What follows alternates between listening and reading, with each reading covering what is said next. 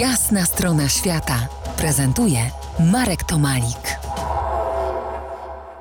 Po jasnej stronie świata Ula Chylaszek, reportażystka, autorka książki Kanska Miłość na Wyspach Owczych. Mówiliśmy o farerach, że mają Meksyk, że czas im płynie inaczej, wolniej. Czy to znaczy, że są spokojni, a może jednak są zapalczywi? Jak ich postrzegasz? Są spokojni, są na pewno bardziej cisi i spokojni, e, jakby porównując do Polaków. Oni patrzą na nas czy w ogóle na Słowian, już nie mówię o południowcach, jakichś Włochach czy Hiszpanach, my dla nich jesteśmy bardzo ekspresyjni, głośni, jacyś tacy dużo mówimy, gestykulujemy. E, no oni są jednak tym, pod tym względem typowym krajem nordyckim i, i, takim bardzo zachowawczym, jeżeli chodzi o okazywanie wszelkich uczuć, emocji. To też widać nawet jak jak się ludzie witają. Mało kto w ogóle się wita y, z, takim objęciem, przytuleniem na misia, co nawet y, Duńczycy ponoć często robią, a Farerzy właśnie nie. Oni po prostu albo sobie uścisną dłoń, albo tylko cześć, cześć, dzień dobry. Mała społeczność, zatem wszyscy się znają i potrzebują. Bez tych więzi chyba byliby bezbronni, ale z drugiej strony mogą się czaić tam ponure marginesy, na przykład skrywanie pedofilii, o którym też piszesz. No tak, to jest taka y, ciemna strona y, tej wspólnotowości życia w takiej małej społeczności, która się kieruje swoimi prawami.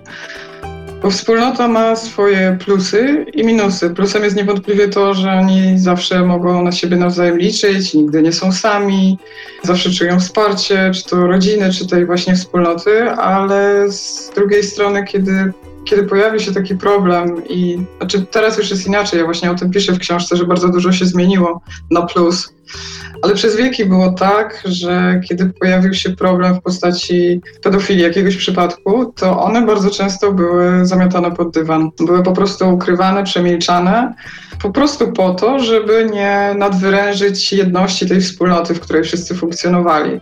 Bo najważniejsze było to, żeby ta wspólnota przetrwała, żeby ona była silna, i tak naprawdę nigdy nie wiadomo, kto nam się kiedy przyda, kogo będziemy potrzebować. E, może się okazać, że ten, którego dzisiaj oskarżamy o pedofilię, może nam kiedyś w czymś pomóc, a być może on wcale tego nie zrobił. Ludzie często wypierali te doniesienia o pedofilii nie chcieli w to wierzyć, również z takiego powodu, że to było zbyt straszne dla nich, żeby to pojąć, więc na różne sposoby sobie z tym radzili. Albo wypierali, albo no jakoś e, udawali, że zjawisko nie istnieje, bo no było to zbyt ciężkie do, do pojęcia, do zrozumienia. To może inny temat, inne spojrzenie. A nie, czy nie wydaje ci się, że tam wszyscy dążą do społecznej uniformizacji, w sensie, że biedni i bogaci noszą się tak samo, czyli raczej skromnie? Tak jest, zdecydowanie. I to y, ludzie do tego dążą.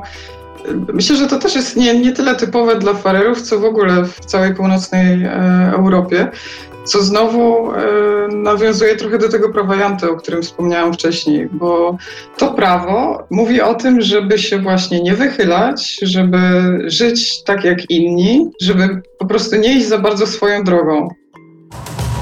To jest jasna strona świata w RMS Classic.